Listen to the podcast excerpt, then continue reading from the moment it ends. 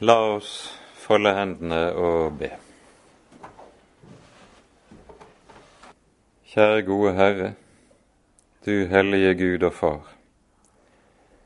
Så kommer vi på ny inn for dine øyne, og vi kaller, Herre, på ditt navn.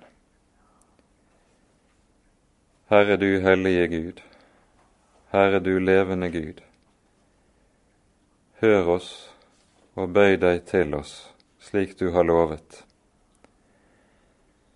Takk, Herre, at du er en Gud som har åpenbart deg for oss, for at vi skal få kjenne deg, og med det få lov til å eie alt vi trenger, både for dette liv og for det kommende. Vi ber deg, Herre, mest av alt, at du vil gi oss ører til å høre, og hjerter som er våkne til å ta imot dine ord. Gjør oss stille for deg, og frels oss, Herre, fra alt det som vil dra hjerte og hørsel bort fra dine ord. Det ber vi, Herre, for ditt eget navns skyld. Amen.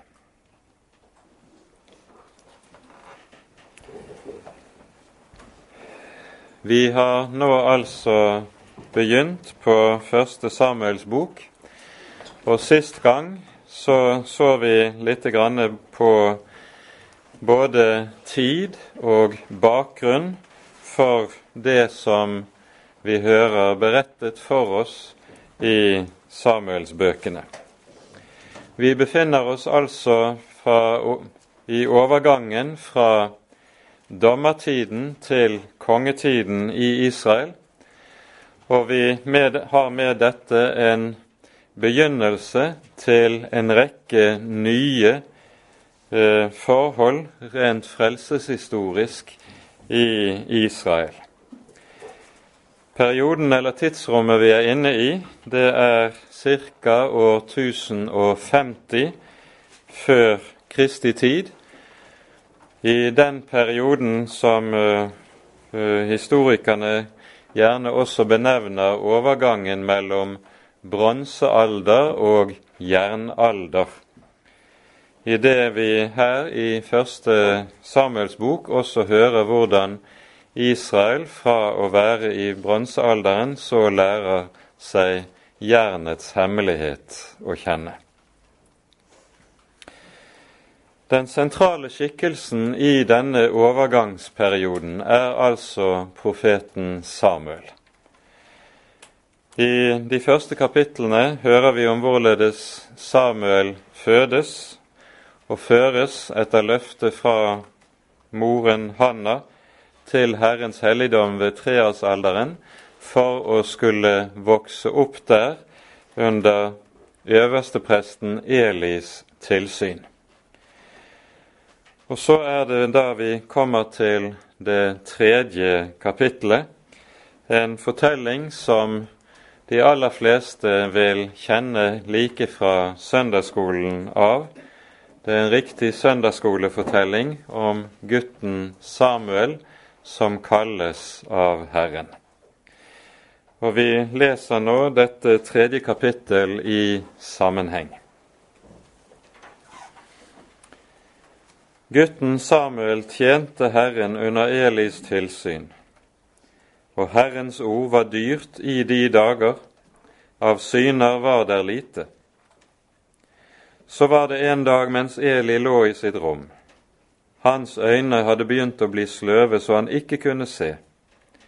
Og Guds lampe var ennå ikke sluknet, og Samuel lå i Herrens helligdom, hvor Guds ark var. Da ropte Herren på Samuel, og han sa, Ja, her er jeg. Og han løp til Eli og sa, Her er jeg, du ropte jo på meg. Men han sa, Jeg ropte ikke, gå tilbake og legg deg. Og han gikk og la seg. Men Herren ropte ennå en gang, Samuel. Og Samuel sto opp og gikk til Eli og sa, Her er jeg, du ropte jo på meg. Men han sa, Jeg ropte ikke min sønn, gå tilbake og legg deg. Samuel kjente ennå ikke Herren, for Herrens ord var ennå ikke åpenbart for ham. Da ropte Herren tredje gang, Samuel, og han sto opp og gikk til Eli og sa, Her er jeg. Du ropte jo på meg. Da skjønte Eli at det var Herren som ropte på gutten, og Eli sa til Samuel, Gå og legg deg, og blir det ropt på deg, så skal du si, Tal, Herre, din tjener hører. Og Samuel gikk og la seg på sin plass. Da kom Herren og sto der og ropte nå som før, Samuel, Samuel. Og Samuel sa, Tal, din tjener hører. Da sa Herren til Samuel, Nå vil jeg gjøre noe i Israel, så det skal ringe for begge ørene på hver den som hører om det. På den dag vil jeg la komme over Eli alt det jeg har talt om hans hus, fra først til sist.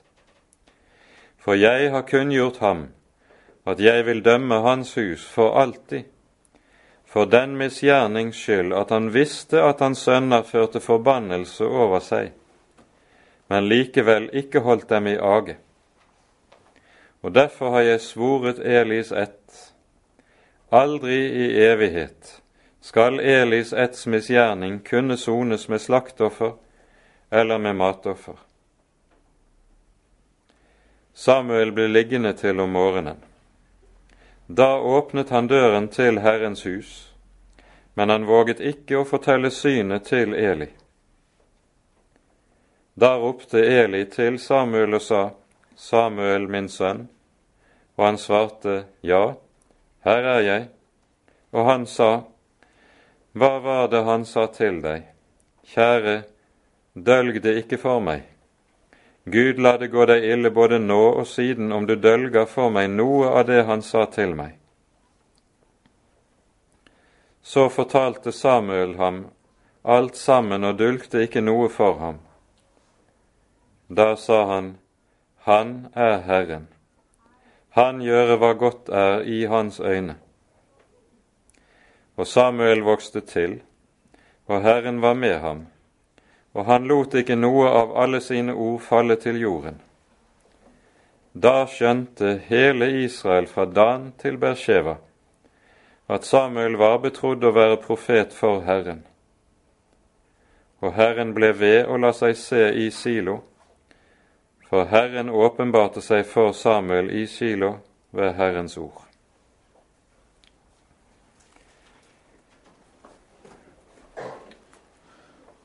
Nå er vi altså i Herrens helligdom, som vi hørte sist, gjennom hele dommertiden var plassert i Kilo på det som i dag ofte kalles for Vestbredden. Her befinner både øverstepresten seg og Samuel, som er hans tjener, også nattestid. Vi nevnte sist gang at fordi helligdommen i en så lang periode som disse 400 årene som dommertiden varte, befant seg på ett og samme sted, så var det bygget opp en rekke faste anlegg og bygninger omkring helligdommen. Det er jo fortsatt tabernaklet, teltet, som er stedet der arkene er plassert, men omkring denne var det altså faste installasjoner som en har funnet restene etter, ruinene etter, og kan bese den dag i dag. Her innenfor murene er det der er en rekke rom, større og mindre, både lagerrom og tydeligvis også rom som kan være sovekammer for det høyere presteskap. Og Vi hører at Samuel bl.a. gjør tjeneste som dørvokter i helligdommen. Og Derfor hører det til hans tjeneste å stenge tempelets dører om aftenen og åpne dem om morgenen. Så sies det som en sammenfatning av en del av det som er tilstanden i tiden, i folket, det vi hører i det første verset. Herrens ord var dyrt i de dager, av syner var det lite. Det er nettopp det som er situasjonen i datidens Israel. Dommertiden hadde, som vi har vært inne på det, vært en forfallstid uten sidestykke i det gamle Israels liv. Og Israel er, når Samuel kalles av Herren, på randen til å bli som et hedensk folk. Herrens ord var dyrt i de dager. Det var lite kjent, det var lite talt, det var få som kjente det, og i stor utstrekning var det også misforstått, fordreiet og forvrengt. Det ser vi ikke minst når vi kommer til neste kapittel. Men så er det altså at Herren i sin store nåde mot sitt folk vil virke en ny begynnelse. Og Dette skjer altså gjennom kallet av Samuel. Og vi kan ikke overvurdere Samuel og hans betydning i datidens Israel. Ikke bare er det han som så å si er selve overgangsskikkelsen mellom dommer og kongetid i Israel, men han er også samtidig den første av de egentlige profeter i det gammeltestamentlige Israel. De profeter vi siden hører og leser om videre utover i Det gamle testamentet, de følger i Samuels spor, og så å si etter hans mønster virker og taler de for Herrens folk. Samuel er den første. Og Derfor er han den eneste profet utenom Moses som det refereres til i Salmenes bok. I Salme 99 hører vi om ham. Og hos profeten Jeremia hører vi Samuel omtalt som en forbeder for Herrens folk på linje med Moses. Moses og Samuel nevnes så å si i samme åndedrag, både i Salme 99 og i Jeremia-boken. Noe som sier meget om hvorledes Samuel vurderes. Etter jødisk tradisjon så er Samuel når han kalles tolv år gammel.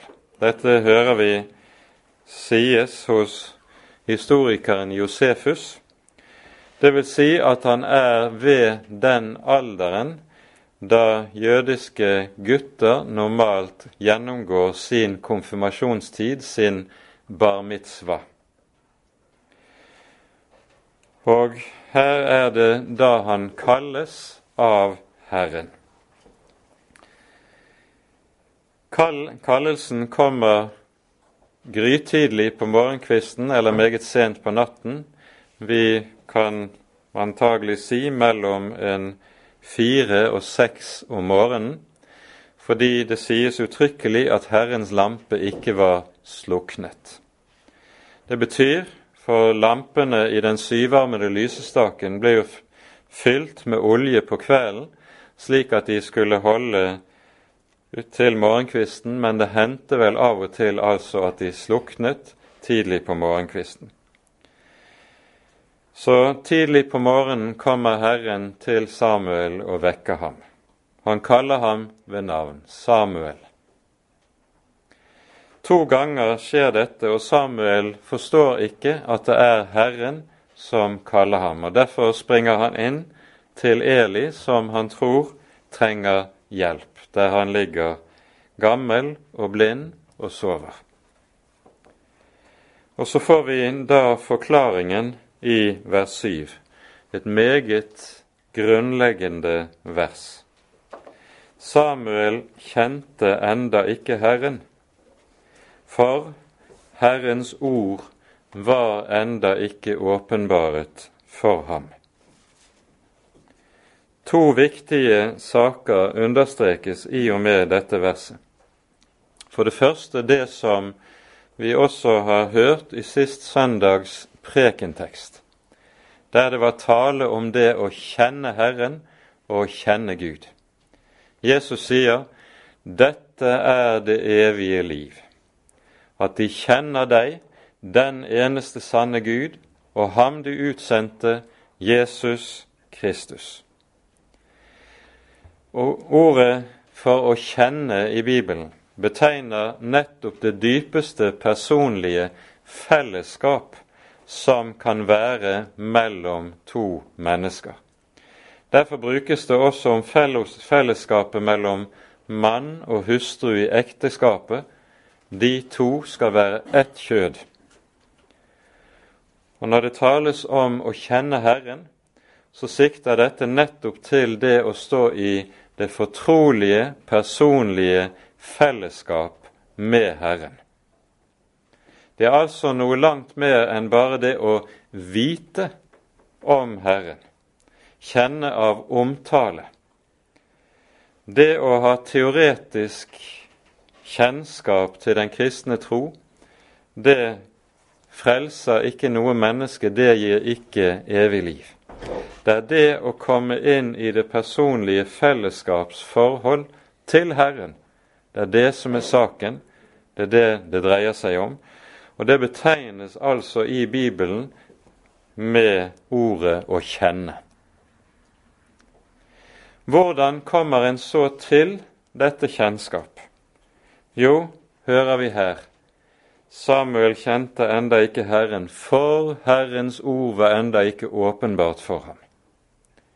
Det skjer bare på én måte, ved at Guds ords hemmelighet åpenbares for et menneske.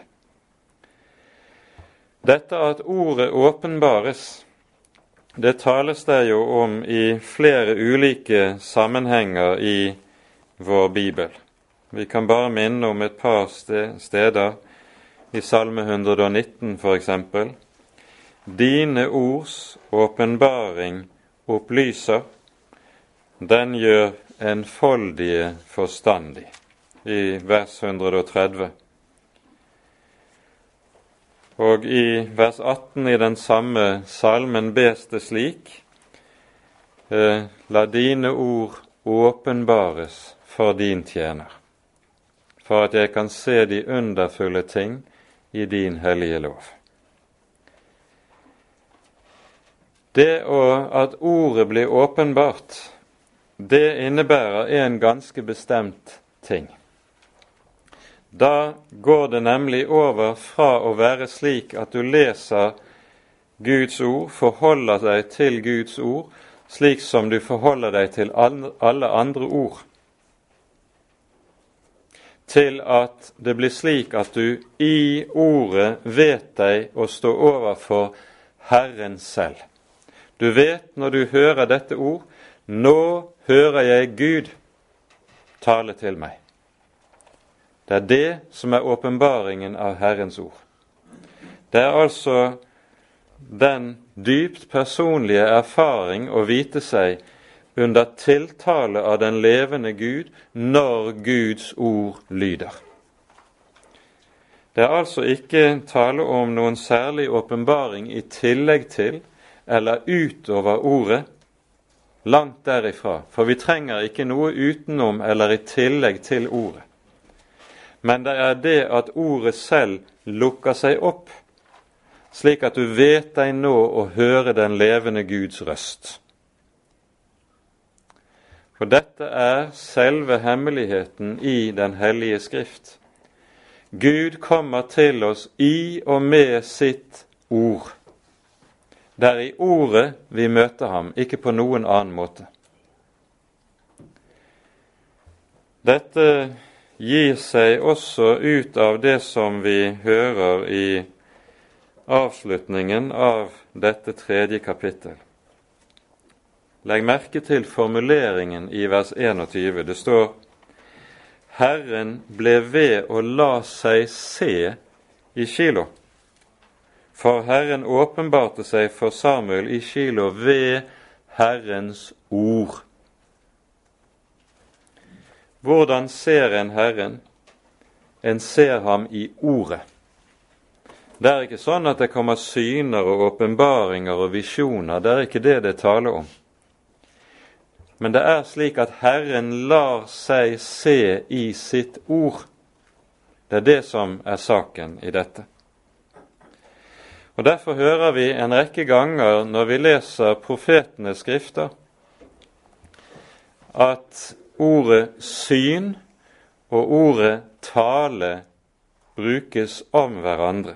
F.eks. innledes eh, Jesaja-boken med at dette er de syner som profeten Jesaja skuet i de dager da den og den var konge. Men vi hører ikke om syner. Vi hører bare om Herrens ord.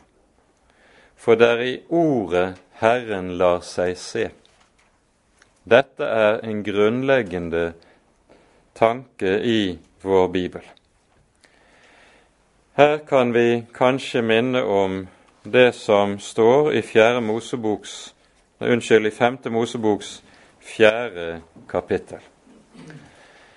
Her minner Moses om hva som skjedde da folket sto under Sinai, og Herren åpenbarte de ti bud ved Sinai. Vi skal lese et par vers her fra 5. Mosebok 4. Vi leser fra vers 11.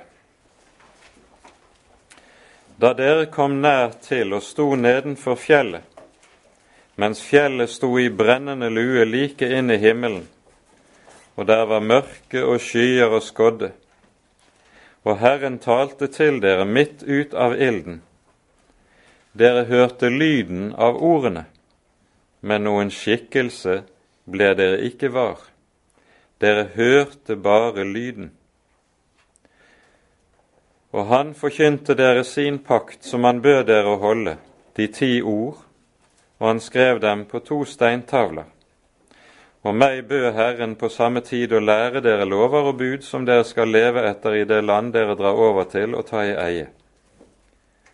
Så ta dere nå vel i vare, så sant dere har deres liv kjært, for dere så ingen skikkelse den dag Herren talte til dere på Horeb, så dere ikke gjør, forsynder dere med å gjøre noen, noe utskåret bilde. For dere så ingen skikkelse. Her ser vi noe av det som er den avgjørende forskjell på Guds folk og hedningefolkene. Hedningefolkene i Israels omverden de kjennetegnes når det gjelder sin guds, gudsdyrkelse, av det at de har hellige bilder. De er avgudsbildene. Israel kjennetegnes av at de ikke har hellige bilder, men de har hellige ord. De har overgitt ordet. Hedningene tenker de møter sine guder gjennom sine bilder, sine avgudsbilder. Israel vet vi møter Herren gjennom ordet. Og Derfor er det slik i Det gamle testamentet at Herren, når han skal møte sine, så møter han dem først og fremst ikke gjennom synssansen, men gjennom hørselssansen. Guds folk er det hørende folk.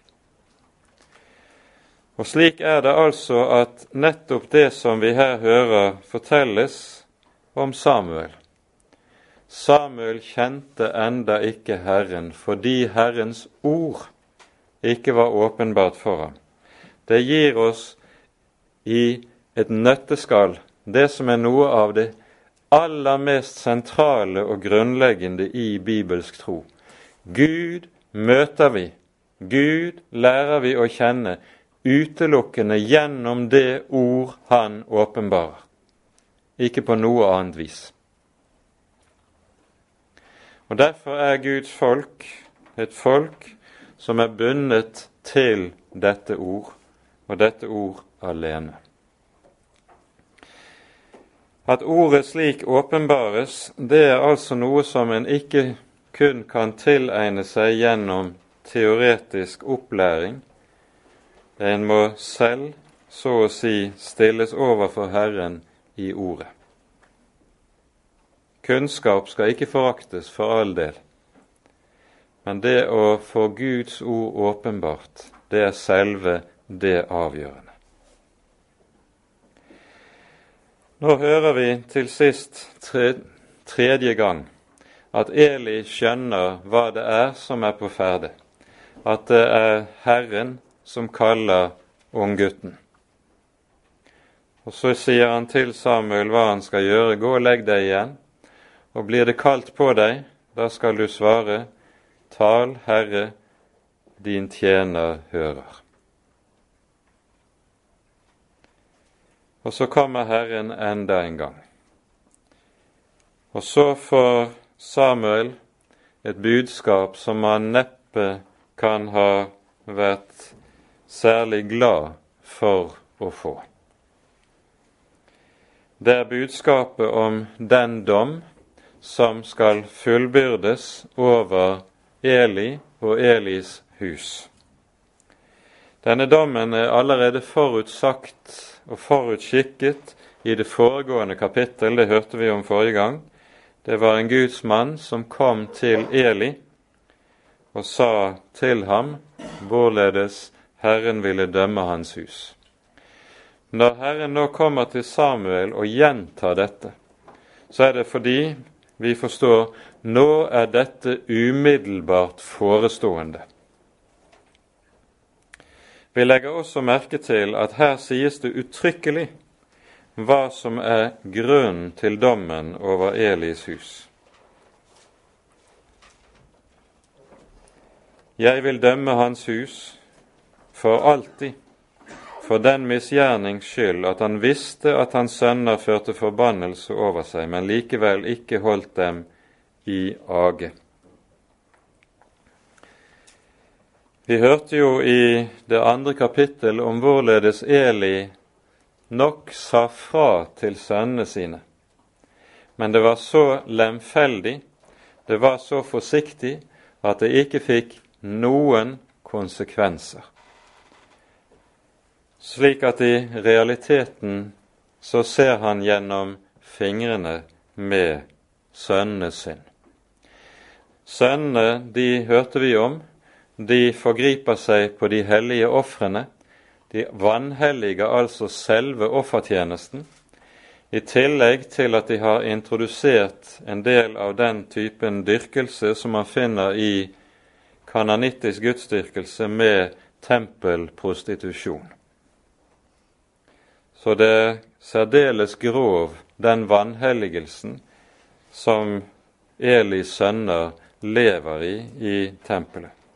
Det står sågar i det andre kapittel om disse to Elis sønner. Andre kapittel vers 12. Elis sønner var ryggesløse. De brydde seg ikke om Herren. Bokstavelig står det i grunnteksten Elis sønner var Belials sønner. De kjente ikke Herren. Og så sies det altså nøyaktig det motsatte om dem som om Samuel. Samuel blir et Guds barn som kjenner Herren. Elis sønner er Belials sønner, og Belial brukes jo Eh, tidvis i Bibelen som en benevnelse på djevelen selv. Vi merker oss at den dom som rammer Eli, den rammer ham på grunn av unnlatelsessynd for Elis eget vedkommende. Syndene til sønnene, det er at de grovt har overtrådt Guds bud i helligdommen, Eli dømmes på grunn av at han har latt være å si ifra, latt være å gripe inn, slik som Herren sa at det skulle gjøres. Det er noe å tenke på i dagens situasjon og i dagens kirkebilde. Nå, etter at Herren har talt til Samuel, så våger han seg ikke til, hører vi i det 15. verset, å fortelle til Eli hva som har skjedd. Og Eli må så å si nøde den unge mann til å komme ut med det Herren har sagt. Og vi kan godt forstå Eli, en guttunge på 12-13 år. Han er glad i Eli, som han er vokst opp hos, og han har ærefrykt for Eli som Herrens øverste prest, og så skal han bære frem noe sånt. I dette skal vi merke oss ligger det også en prøvestein for Samuel vil han si til Eli det Herren har sagt ham, eller vil han holde tilbake noe av rent menneskelige hensyn? Det er det nemlig en stadig fristelse for de som får Guds ord, å gjøre. Å holde noe tilbake av det Herren sier, for nettopp å ta hensyn hensynet til mennesker som egentlig springer ut av menneskefrykt, er noe av den største faren som alle som er satt til å forkynne Guds ord, har å kjempe med. Og i det Samuel altså ikke holder noe tilbake, så viser han seg allerede i begynnelsen av det som kommer til å bli en meget lang tjeneste gjennom et langt liv, å holde prøve. Paulus sier i apostelgjerningene 26, når han gjenforteller i retten hva som skjedde utenfor Damaskus, så forteller han bl.a. at Herren sa til ham der jeg vil fri deg fra alle de folk jeg sender deg til. Et forunderlig uttrykk. Vi har vel pekt på det, på det før, men vi gjør vel i å merke oss det. Det er nemlig helt grunnleggende for en som er tjener for Guds ord, at han er fri, at han er frigjort i forhold til de han skal tale til og at han ikke av menneskelige grunner, av hensyn til folk, hvordan folk vil reagere, kommer til å trekke noe fra eller fortie noe.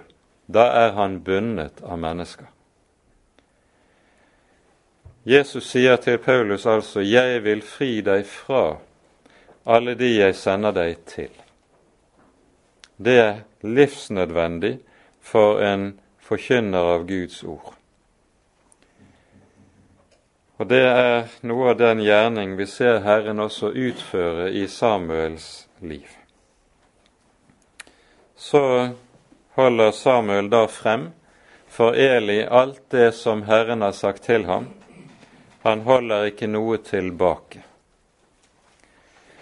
Dette er altså noe som også hører med til Grunnloven i forkynnelsen av Guds ord. Paulus sier i apostelgjerningene 20, når han skal møte de eldste i menigheten i Efesos for siste gang, så hører vi der hans avskjedstale til dem. Der gjør han også opp status over sitt virke i Efesus og sier bl.a. at 'jeg er uskyldig i noe menneskes blod. For, sier han, jeg holdt ikke noe tilbake, men forkynte dere hele Guds råd. Og vi forstår Paulus har altså ikke fortiet de deler av Guds ord som eventuelt måtte være upopulære å forkynne. De deler av Guds ord som folk ville reagere på eller mislike når de hørte det. Nei, Alt blir båret frem. Og så sier han altså, jeg er uskyldig i alles blod. Med det sier apostelen også en viktig sak. Der deler av Guds ord forties, der kan forkynnerne bli skyldige i menneskers fortapelse. Så alvorlig er den sak.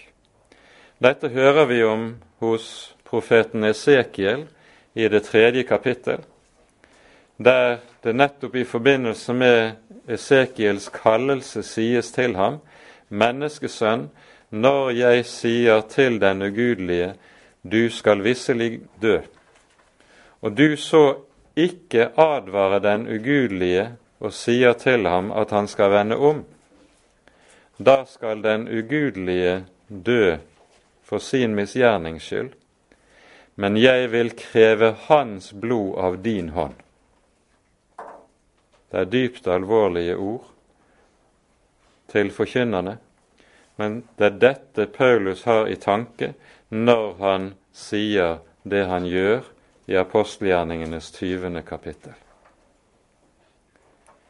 Du skal ikke legge noe til, du skal ikke trekke noe fra, har Herren sagt når det gjelder sitt ord, og dette gjelder ganske særlig de som er satt til å bære det frem. Hele Guds råd skal lyde i forkynnelsen. Her består altså Samuel, trass sin ungdom, trass sin manglende modenhet, prøven, og bærer det hele frem for Eli. Og vi kan kanskje undre oss over Elis reaksjon på det han får høre. Han sier bare 'Han er Herren', han gjøre hva som er godt å gjøre i hans øyne. Det er resignasjonen som lyder hos Eli. Vi hører ham ikke bøye kne, vi hører han ikke bryte ut i anger og gråt for hva han har forsømt, men det er resignasjon. Og Det er trist å lese hos den aldrende gudstjener. Så hører vi ganske kortfattet det sies litt mer om Samuel. Han vokser til, Herren er med ham, og han lot ikke noen av sine ord falle til jorden. Da skjønte hele Israel fra Dan til Bersheva at Samuel var betrodd å være profet for Herren.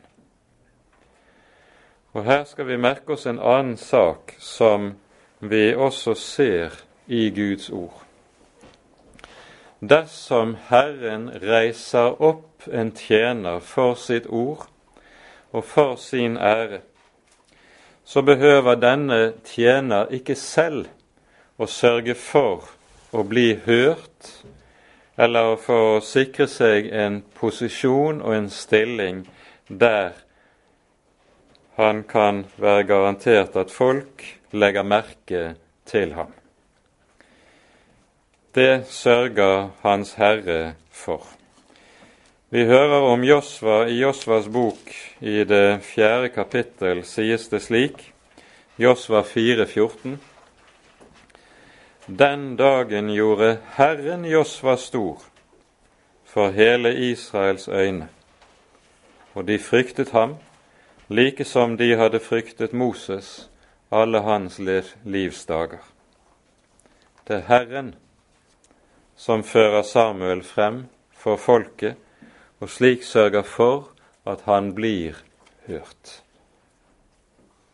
Det er dette Jesus også taler om i bergpreken når han sier en tenner ikke et lys og setter det under et kar. Dette er ikke en oppfordring for oss til oss at vi skal gå ut og prøve å sette oss selv på høye steder og være lys. Nei, han som tenner lyset, er Herren, og han er den som plasserer lyset. Det er han som tenner, det er han som plasserer. Slik også med Samuel.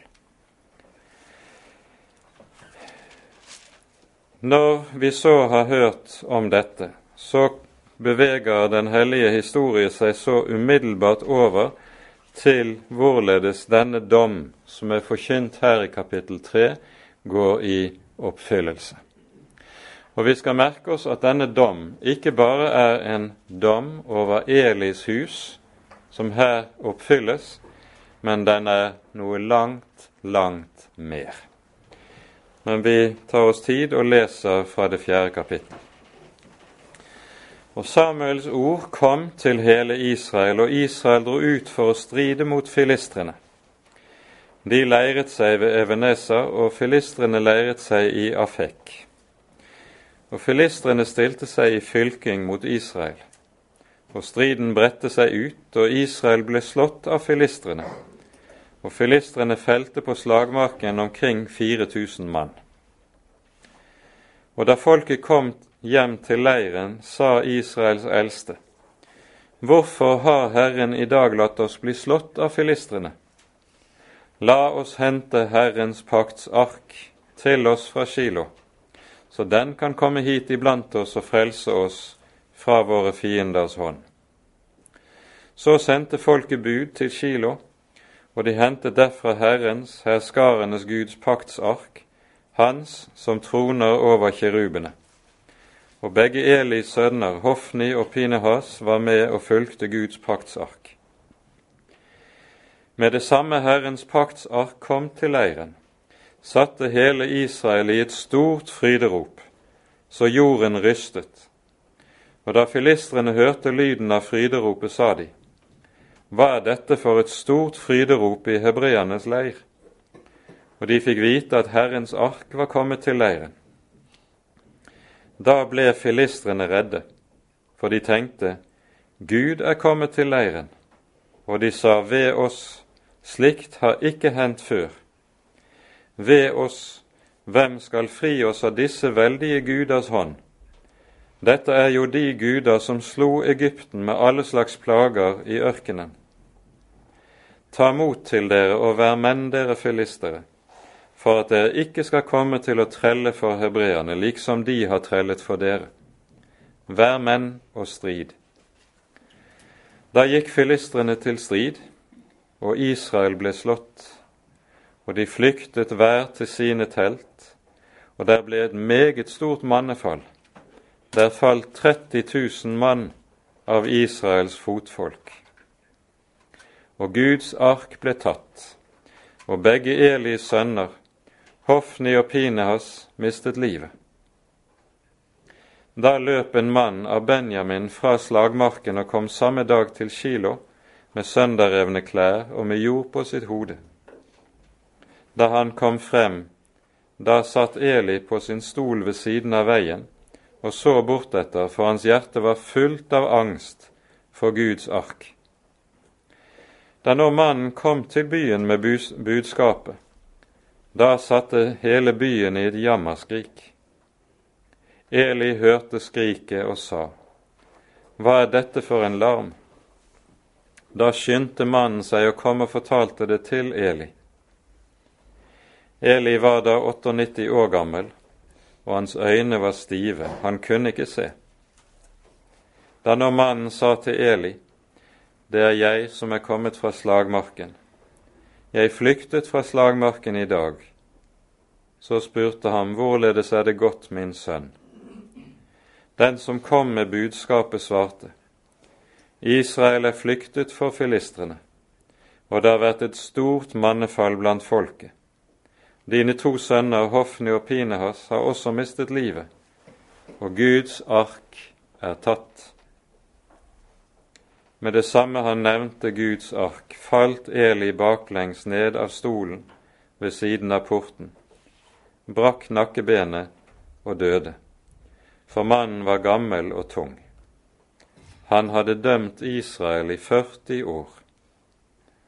Hans sønnekone, Pinehas hustru, var fruktsommelig og nær ved å føde, og da hun hørte budskapet om at Guds ark var tatt, og at hennes svigerfar og hennes mann var død, seg hun i kne og fødte, for veene kom brått over henne. I hennes dødsstund sa de kvinner som sto hos henne, vær ved godt mot, du har født en sønn. Men hun svarte ikke og aktet ikke derpå. hun kalte guden Ikavod. For, sa hun, bortveket er herligheten fra Israel. For navnet betyr ingen herlighet. Dette var fordi Guds ark var tatt, og fordi hennes svigerfar og hennes mann for deres skyld. Hun sa, Bortveket er herligheten fra Israel, for Guds ark er tatt.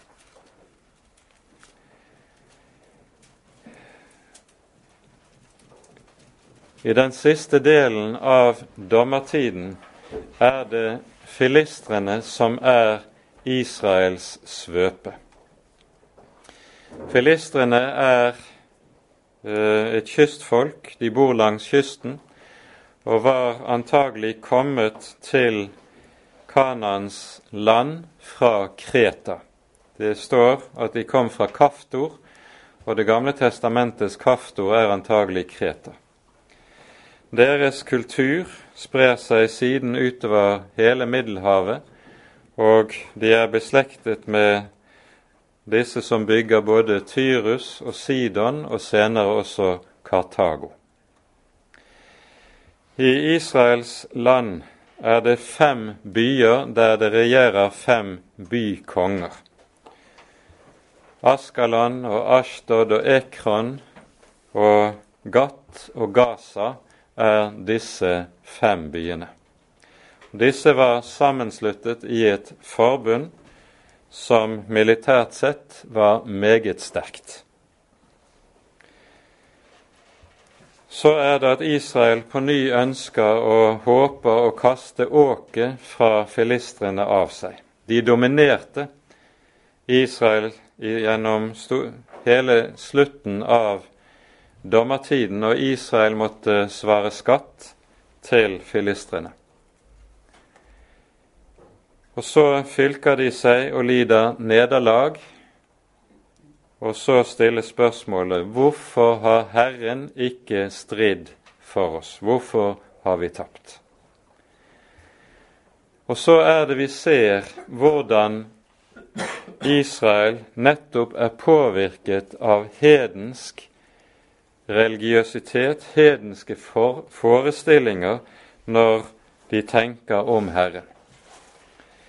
Hedningene tenker som så at deres symboler, deres gudsbilder, de ikke bare representerer guddommen, men guddommen er mektig til stede i bildet, i symbolet. Slik tenkte også Israel om arken, at Herren var til stede i og med arken, og kunne de bare bringe arken, så ville Herren være blant dem. Herren har jo knyttet sitt løfte om sitt nærvær til arken, men det er ikke uvilkårlig. Det er betinget av det åndelige forhold at Israel lever i samfunn med Herren, dvs. Si under synsforlatelsen. Og så lenge folket ikke bekjenner sin synd, altså vender om, så kan de ikke regne med at Herren står hos dem. Dette er en kjødelig måte, det er en hedensk måte å tenke om det guddommelige som altså har trengt inn i Israel. Og så innbiller de seg altså at Herren er med dem bare de henter arken, og må bittert altså erfare og smake det motsatte. Lignende ting har vi sett oppvar også gjennom hele kirkehistorien. En har f.eks. tenkt seg at bare en førte med seg krusifikset i prosesjon eller i hærtog, så garanterte dette Kristi nærvær og dermed seier på slagmarken. Helt uavhengig av om en levet i omvendelse og tro. For livet med Herren, det hviler nettopp på det personlige kjennskap og fellesskap, samliv med Herren, som grunner seg på syndenes forlatelse. Når Israel ikke lever i det, så er Herren heller ikke iblant dem. Det er dette de altså bittert får erfare. Så altså, lider de altså ikke bare militært nederlag, men arken blir tatt. Og med det er det slutt på helligdommen i Kilo. Når profeten Jeremia senere i det syvende kapittel refererer til det som skjer her, så er det tydelig at denne katastrofen stilles på linje med det at tempelet ødelegges ved babylonerne 500 år senere. Det er en katastrofe av tilsvarende karakter. En katastrofe som forteller Israels folk de er forkastet av Herren for sine synders skyld.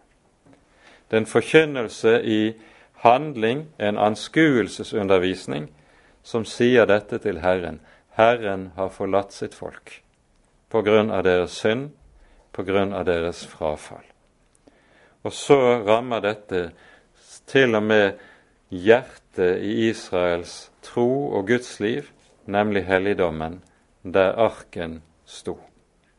Og arken kommer aldri tilbake til tabernaklet, og helligdommen i Kilo nedlegges, flyttes litt senere under i Samuels tid til prestebyen Nob, og deretter senere atter til en annen by igjen, før David, når han regjerer alene over folket, sentraliserer gudsdyrkelsen til Jerusalem. Men da har det gått kanskje så meget som 40 år der helligdommen har vært nedlagt. Så hører vi også her altså om hvordan dommen over Elis hus fullbyrdes. Og så får hele Israel sanne det som vi leste i slutten av det tredje kapittel. Ikke ett eneste av Herrens ord faller til jorden. De går i oppfyllelse, alt sammen. Noe som altså er med og stadfester Samuels stilling som Herrens profet i folket. Dette er en nødstid i det gamle Israel uten sidestykke. Og det stilles altså av Det gamle testamentet selv på linje med katastrofen når Jerusalem faller og Salomos tempel brennes opp. Når vi nå kommer til det femte og det sjette kapittelet, så hører vi noe annet. I hedenskapet er det nemlig slik at en tenkte i den gamle tid at den makt som seiret på slagmarken, det var de som hadde de sterkeste gudene. Når filistrene derfor har seiret over Israel på slagmarken, så drar de umiddelbart den konsekvens det er fordi våre guder er mektigere enn Israels gud. Det som vi nå leser om i kapittel 5 og 6, det tar nettopp utgangspunkt i denne forestilling. Slik at Herren så å si her skal demonstrere for filistrene at han slett ikke er undergitt dem. Han er Herren. Og når de har fått Hans pakts ark i eie, er det ikke fordi deres guder er mektige, men det er for Israels frafalls skyld. Vi kan ganske kort lese et stykke gjennom i avsnittet i kapittel 5. Filistrene tok Guds ark og førte den fra Eveneser til Ashtod. Der tok filistrene Guds ark og førte den inn i Dagons hus og stilte den opp ved siden av Dagon. Dagon er altså fiskeguden. Det var en gud som hadde en manns overkropp og en fisks underkropp, og var filistrenes viktigste guddom. Det hadde jo med filistrenes tilknytning til havet og kjøpmannskapet på havet å gjøre. Tidlig følgende dag fikk ashtodittene se at Dagon var falt ned med ansiktet mot jorden foran Herrens ark. Og de tok Dagon og satte ham igjen på hans plass. Men tidlig om morgenen den neste dag fikk de se at Dagon var falt ned med ansiktet mot jorden foran Herrens ark, og at Dagons hode og begge hans hender lå avhogget på dørterskelen. Bare kroppen var tilbake av Dagon. Derfor er det Dagons prester og alle som går inn i Dagons hus, like til denne dag ikke trer på dørterskelen i Ashdod.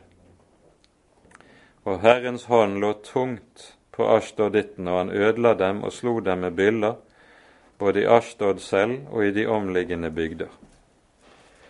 Og så hører vi om hvorledes Herren nå legger samme type landeplager på filistrene, noe av det samme som vi kan høre om i forbindelse med utgangen av Egypt.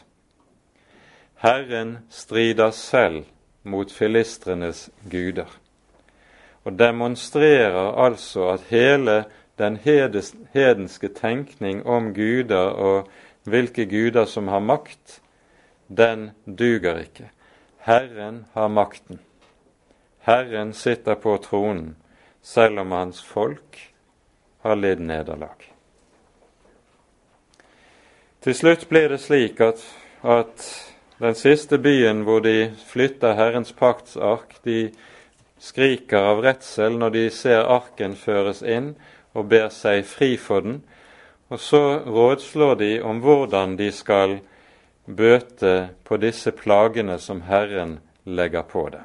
Og Dette leser vi så i det sjette kapittelet.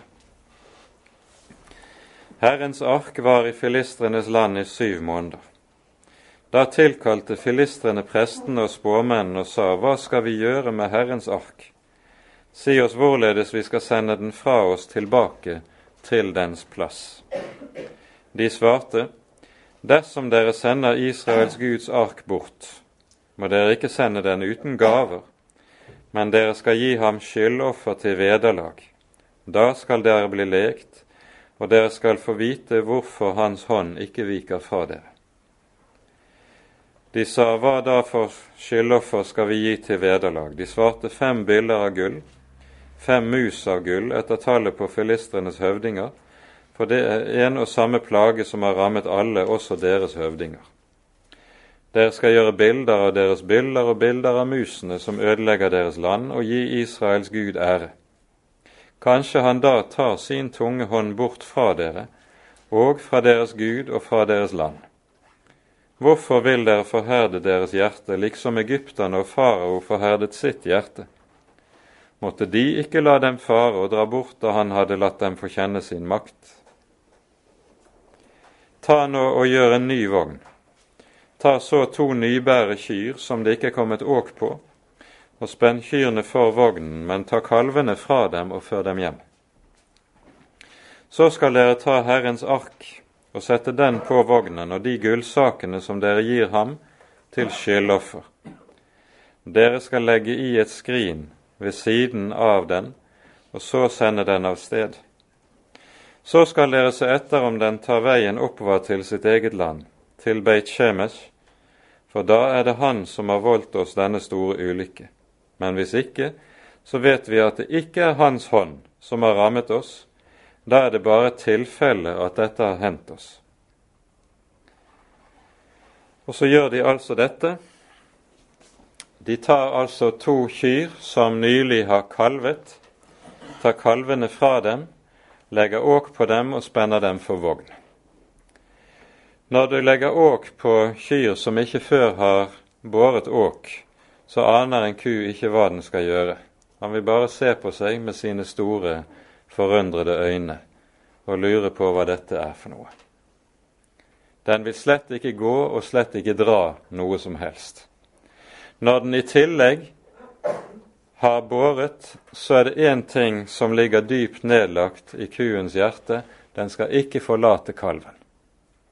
Men her gjør de altså kyrne altså det motsatte. De går nå bene veien like opp til Israels grense, til den lille landsbyen som heter Beit Shemesh. Den ligger 20 km vest for Jerusalem, i det dalføret som leder ned fra Betlehem. Og slik altså at disse kyrne gjør noe som er absolutt naturstridig, så blir det åpenbart og tydelig at det er Herren selv som med dette leder paktens ark tilbake der den hører hjemme, i sitt eget folk. Og slik er det altså at Herren selv strider for sin ære blant filistrene. Han trenger ikke menneskers hjelp, om det skulle være det det var spørsmål etter. Så er paktens ark tilbake i Herrens folk. Og her skjer det så det forunderlige som vi skal avslutte med å lese, fra vers 13. Innbyggerne i Beit Shemesh var nettopp i ferd med å høste hveten i dalen. Det betyr at vi befinner oss omtrent ved pinsetider på året. Og da de så opp, fikk de se arken, og de ble glad da de så den. Da vognen kom inn på Beit Shemitten, Josvas mark, stanset den der. Der lå der en stor stein. Da hogg de treverket i vognen i stykker og ofret kyrne til brennoffer for Herren. Og levittene tok ned Herrens ark og skrinet som sto ved den, det som gullsakene var i, og de satte dem på den store stein. Og Beit Shemeshs menn ofret samme dag brennoffer og slaktoffer til Herren. Filistrenes fem høvdinger så dette og vendte samme dag tilbake til Ekron. Dette var de byller av gull filistrene ga dem som skyldoffer til Herren. For Ashtod én, for Gaza én, for Ashkalon én, for Gat én og for Ekron én.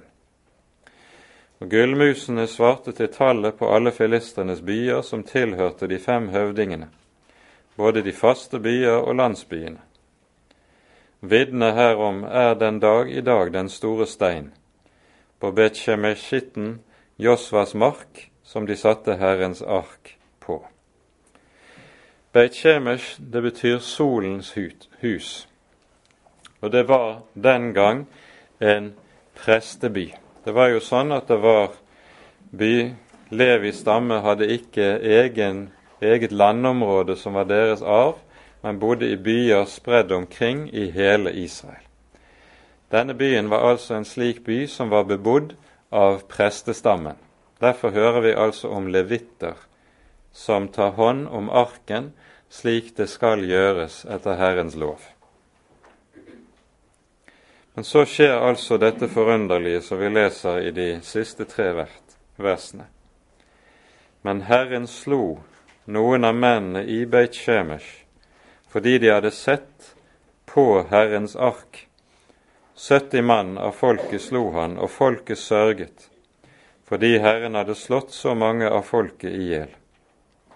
Og mennene i Beit Shemesh sa, Hvem kan holde stand for Herrens, denne hellige Guds åsyn, og til hvem skal han dra opp fra oss?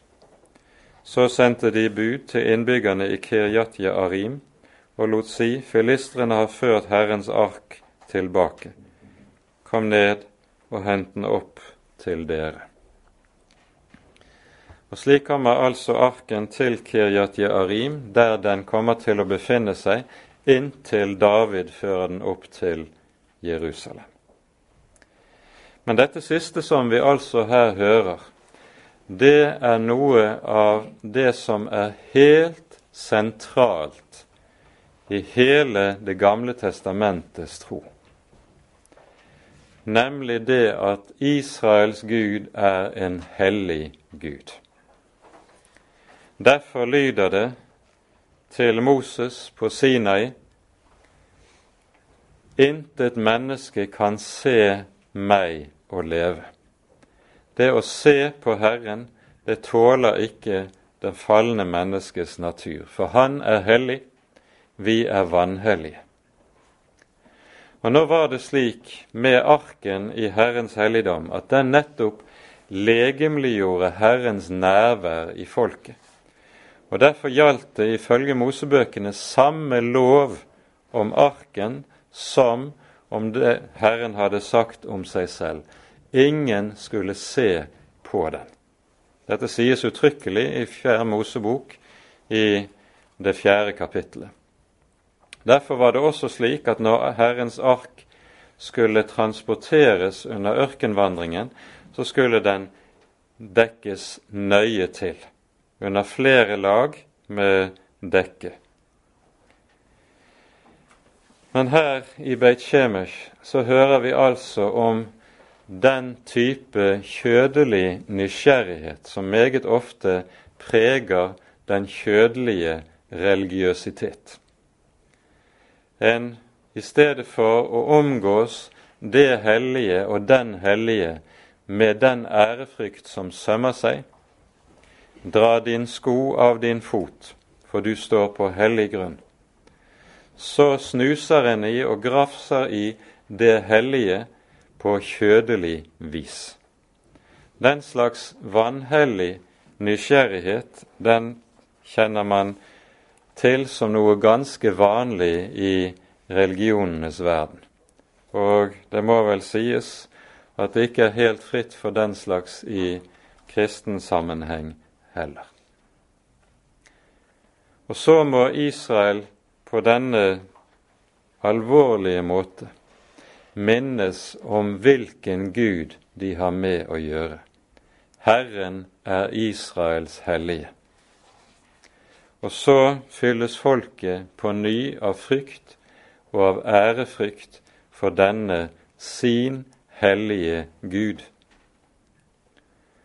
Dette er noe av det mest fundamentale i hele Bibelens tale om og lære om sann gudstro. Herren er hellig. Vi minnet sist gang om ordene hos profeten Malakia i det første kapittel.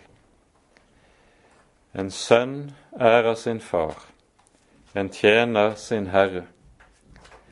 Er når jeg far, sier Herren, hvor er da min ære? Er jeg herre? Hvor er da frykten for meg? Det spørsmålet stiller Herren til sitt folk, og det kan det sannelig være grunn til å stille spørsmål om det ikke er nødvendig at det stilles også i dag. Herren er en hellig Gud, og til det at Gud er en hellig Gud, hører alltid Guds frykten. Med det setter vi punktum for i dag. Ære være Faderen og Sønnen og Den hellige ånd, som var og er og være skal, en sann Gud, høylovet i evighet. Amen.